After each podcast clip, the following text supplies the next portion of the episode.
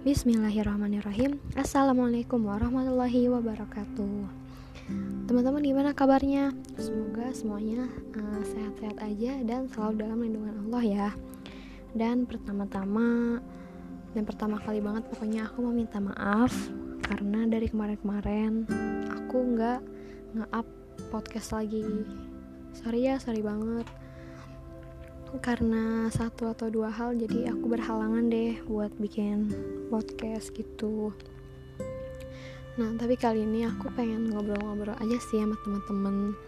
Uh, ini juga aku bikin podcastnya dalam keadaan malam soalnya malam tuh waktu yang paling enak banget buat ngerenung, buat mikir, buat muhasabah dan lain-lain. Pokoknya rasanya tuh kayak otak tuh kebuka aja kalau malam. Dan kayak nggak berisik juga kan nggak uh, banyak entah kelakson angkot ataupun gimana gimana kecuali kita lagi di pinggir jalan gitu kan. Nah sekarang aku pengen ngobrolin apa ya? Hmm, gimana kalau ngobrolin tentang salaman sama ratu? Hah kok salaman sama ratu? Ya maksud dari salaman sama ratu tuh gimana sih? Hmm, tapi sebelum ngebahas salaman sama ratu aku mau cerita dulu boleh nggak? Jadi hmm, akhir-akhir ini tuh aku lagi baca buku punya abi aku bukunya tuh buku Sirah Nabawiyah. Nah Sirah Nabawiyah tuh apa sih? Kok kayaknya berat banget ya? Uh tenang tenang nggak nggak berat kok. Ya buku buku biasa. Nah Sirah Nabawiyah itu buku apa sih? Sirah Nabawiyah itu buku perjalanan hidupnya Nabi Muhammad Shallallahu Alaihi Wasallam. Nah itu tuh pokoknya bukunya keren banget. Kalau bahasa Korea kayak bisa dibilang daebak pokoknya daebak banget bukunya tuh ya. Jadi itu tuh digambarin dari ke, uh, kondisi kayak kondisi awal Arab sebelum Nabi Muhammad diutus. Entah itu kondisi politik ekonomi sosial budaya segala macam pokoknya semuanya diomongin sampai akhirnya Nabi Muhammad diutus. Dan terakhir bagian yang bikin bener-bener deep banget itu nanti lembaran akhir itu Eh, detik-detik uh, mau wafatnya Rasulullah Shallallahu Alaihi Wasallam. Nah, jadi ada salah satu kisah yang tadi aku baca di Sirah. Uh, kisahnya itu tentang uh, jadi ada cewek nih seorang wanita dia tuh lagi masuk ke pasar uh, Bani Koinuko dan FYI Bani Koinuko itu kalau nggak salah salah satu kabilah Yahudi yang ada di Madinah. Dan kalau dari surah Nabawi ya yang aku tangkep Bani Koinuko itu kayak nggak mengindahkan nasihat Nabi. Jadi dia tuh kayak dikasih tahu masuk kuping kiri keluar kuping kanan. Nah terus uh, wanita tadi kan masuk tuh ke pasar Bani Koinuko kan dan ternyata wanita itu tuh diisengin sama orang-orang Yahudi. Jadi wanita itu kan pakai gamis pakai hijab gitu lah pakai hijab pakai jilbab. Dan kain uh, hijabnya itu diiketin dong. Diikat entah ke kursi atau ke tangkai pohon jadi diikat jadi pas si wanita itu mau berdiri atau mau jalan auratnya kesingkap karena tadi kan kainnya diikat gitu. Dan orang-orang Yahudi tuh pada ketawa kan gara-gara wanitanya tuh malu gitu auratnya kesingkap Nah, di situ posisinya tuh ada eh, laki-laki uh, muslim yang ngelihat wanita ini dilecehin kayak gitu kan. Akhirnya laki-laki muslim ini marah sama orang Yahudi. Tapi apa yang terjadi? Orang Yahudinya malah ngebunuh laki-laki muslim ini. Nah, akhirnya ngedengar kabar ini Rasulullah itu marah-marah banget. Rasulullah langsung ngirim pasukan, pokoknya itu kayak ibaratnya tuh buat ngebabat abis Bani Koinuko tuh. Karena udah keterlaluan banget. Karena dari sebelum-sebelumnya juga orang eh, orang-orang Yahudi Madinah yang gak suka sama Rasul itu udah banyak banget bikin makar yang bener-bener ngebahayain posisi uh, umat Islam gitu. Nah, um, pas uh, pas mereka mau uh, dikirim pasukan gitu kan, ada tuh salah satu orang munafik kalau nggak salah namanya tuh Abdullah bin Ubay bin Salul deh. Nah dia itu kayak melas-melas ke Rasulullah. Dia tuh orang Yahudi juga Dia melas-melas kayak e, Rasul jangan sakitin teman-teman saya dong intinya gitu kan. Mereka tuh dulu gini gini gini gini mereka uh, mereka tuh baik gini gini gini gini. Pokoknya si orang munafik ini gak berhenti berhenti uh, ngebujuk Rasulullah uh, sampai pokoknya dia tuh ngebujuk sampai benar-benar ngeganggu Rasulullah dan gak diem-diem gitu. Orangnya tuh ngomong mulu. Akhirnya uh, yang baik Bani Koinuko ini kalau dari cerita yang aku baca tuh kayak nggak jadi dibabat abis gitu. Akhirnya mereka tuh kayak diusir sejauh-jauhnya dari Madinah dan nggak boleh balik lagi.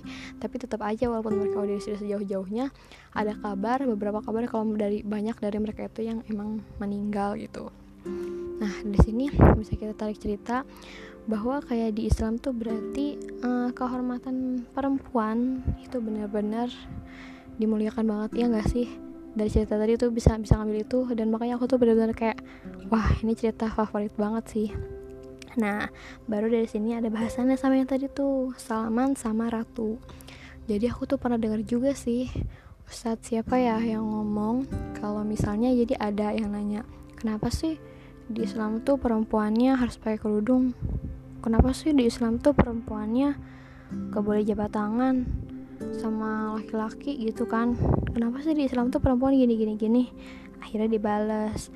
Nih misalnya kita ketemu sama Ratu Elizabeth atau Lady Diana nih zaman dulu. Lady Diana kan uh, pakai bangsawan gitu kan ya? Dan gak sembarangan orang dong bisa nyentuh Lady Diana Nah berarti di Islam juga kayak gitu. Gak sembarangan laki-laki bisa menyentuh perempuan yang bukan mahramnya Kecuali uh, udah pakai syarat-syarat tertentu yang bisa membuat dia tuh halal gitu nyentuh perempuan itu. Nah berarti dari sini tuh kita bisa mandang berarti Islam itu kayak menempatkan wanita tuh sebagai ratu gitu sebagai seseorang yang dimuliakan yang dihormati. Jadi kalau kita sebagai perempuan muslim nih ya rasa-rasanya kita tuh nggak butuh yang namanya feminisme gitu. Upaya menyetarakan antara laki-laki dan perempuan. Karena kalau menurut aku sih kan mereka tuh mau uh, biar adil gitu. Dan adil dalam persepsi mereka tuh menyetarakan laki-laki dan perempuan. Nah padahal konsep adil itu yang sebenarnya gini gak sih? Nempatin sesuatu pada tempatnya. Iya nggak? Kalian setuju nggak nih aku analogiin deh misalnya gini. Uh, ada uh, adik sama kakak nih. Si kakaknya udah kuliah adiknya masih SD apa jajannya harus sama-sama dikasih 2000 biar adil? Ya kan gak gitu juga. Berarti adil itu harusnya menempatkan sesuatu pada tempatnya kan? Karena misalnya si kakak tuh udah kuliah dia banyak pengeluaran maka wajar kalau si kakak dikasih lebih besar gitu. Dan si adik ya secukupnya aja sesuai dengan takaran dia gitu. Nah jadi menurut aku justru kalau misalnya emang mau menyetarakan antara laki-laki dan perempuan uh, dan menurut pandangan femini, uh, kacamata feminisme gitu ya kata aku itu nggak adil karena itu nggak nempatin sesuatu pada tempatnya. Karena kalau misalnya kita lihat dari kayak dari fisik dari cara pikir perempuan dan laki-laki itu udah jelas beda dong. Jadi untuk bisa mendapatkan keadilannya juga ya adilnya punya uh, apa ya kayak menempatkan sesuatu pada tempatnya gitu. Jadi harus sesuai fitrahnya aja. Fitrah laki-laki gimana fitrah perempuan gimana. Nah nanti baru mereka berkolaborasi sama-sama untuk menggapai surganya Allah. Oh udah deh gitu. Simpel kan? Jadi nggak harus ribut-ribut gitu. Sampai kayak gitu deh pokoknya. Sampai uh, nauzubillah ya ada yang sampai berani um, buka baju gitu. Kalau aku baca dari buku itu wanita berkarir surga mereka itu demo gitu para feminis. Terus uh, kita juga sebagai perempuan tuh udah punya role model lah ibaratnya. Kayak tokoh kayak apa sih yang harus kita contoh gitu. Karena aku pernah dengar juga nih kalau jadi kalau anak muda tuh sebenarnya mereka tuh butuhnya itu bukan cuma teori tapi kayak figur atau tokoh yang bisa mereka ikutin gitu. Jadi mereka tuh punya patokan kayak oh yang keren tuh gini ya. Oh yang keren tuh gini ya. Nah makanya di Al-Quran tuh kan ada kan yang lakod kana lakum fi rasul fi rasulillahi uswatun hasanah. Jadi ya emang Allah tuh udah tahu banget gitu kalau emang kita tuh butuh figur gitu butuh sosok buat nemuin uh, kita tuh harus kayak gimana sih gitu kan. Nah di Islam juga udah diatur kalau perempuan tuh idealnya biar kita tuh bisa masuk surga gimana? Nah udah disebutin kan sama Rasulullah ada empat. Yang pertama ada Asia binti Muzahim yaitu istrinya Fir'aun. Terus ada Maryam binti Imron. Terus ada Khadijah binti Khuwailid sama ada Fatimah binti Rasulullah. Nah kalau misalnya kita kita nih perempuan nih ya. Uh, kayaknya tuh wajib banget ya tahu cerita-cerita mereka karena itu tuh bener-bener bisa ngebus banget sih kayak bener-bener kayak soalnya aku pernah nih waktu kayak kemarin aku dengar cerita tentang Fatimah dengar cerita tentang Khadijah itu tuh rasanya langsung kayak ih kok pengen ya kayak dia? Ih dia keren banget. Kayak bener-bener pokoknya kayak dalam hati tuh kayak pokoknya saya harus bisa kayak dia gitu iya jadi tuh kayak ada semangat yang bener-bener keren deh pokoknya untuk meneladani beliau. Walaupun aku sadar aku emang masih jauh banget rasanya dari beliau. Kayak misalnya cerita Fatimah. Kemarin aku baru baca cerita Fatimah. Asli itu keren banget banget banget banget banget. Jadi Fatimah itu uh, suci. Dia ada jadi cut quotes nih ya kayak quotes yang terngiang-ngiang dari Fatimah tuh kalau yang pernah aku dengar tuh gini wanita yang baik itu wanita yang tidak memandang laki-laki dan juga tidak dipandang laki-laki. Ngerti gak? Iya dan dan aku pasti masih jauh banget dari itu. Berarti kebayangkan benar-benar kayak sesuci apa Fatimah gitu loh sekeren apa terus habis itu kalau lihat Khadijah juga Khadijah itu hmm, namanya apa ya? Wafa. Nah wafa tuh kalau misalnya diartiin kalau kata Ustaz Hanan wafa tuh kayak habis-habisan. Bayangin Khadijah itu tadinya uh, pas masih kaya ya beliau itu punya kekayaan dua per 3 kekayaan orang-orang Mekah bayangin.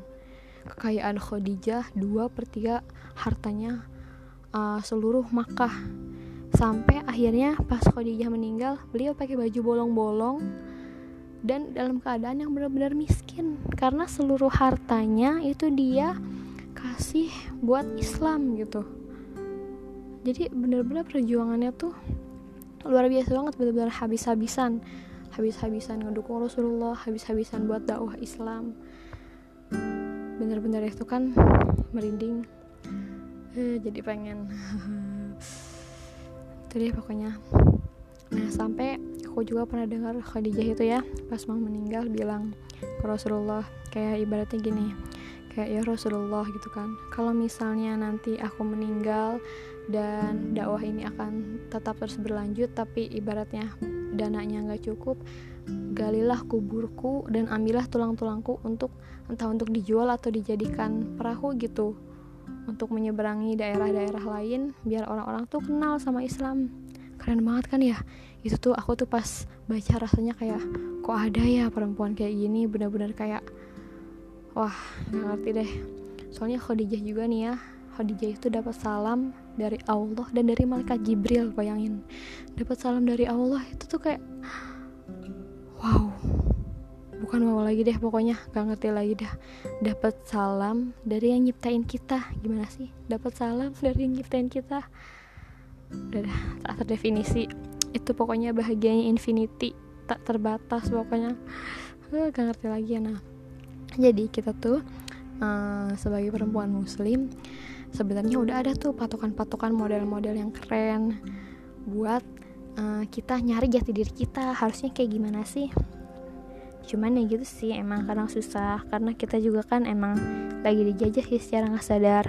Kayak dari food, fun, and fashion. Ya nggak jauh-jauh dari itu 3F jadi kadang panutan kita tuh belok-belok. Jadi kadang kalau ngeliat public figure ah pengen kayak ini ah gitu kan.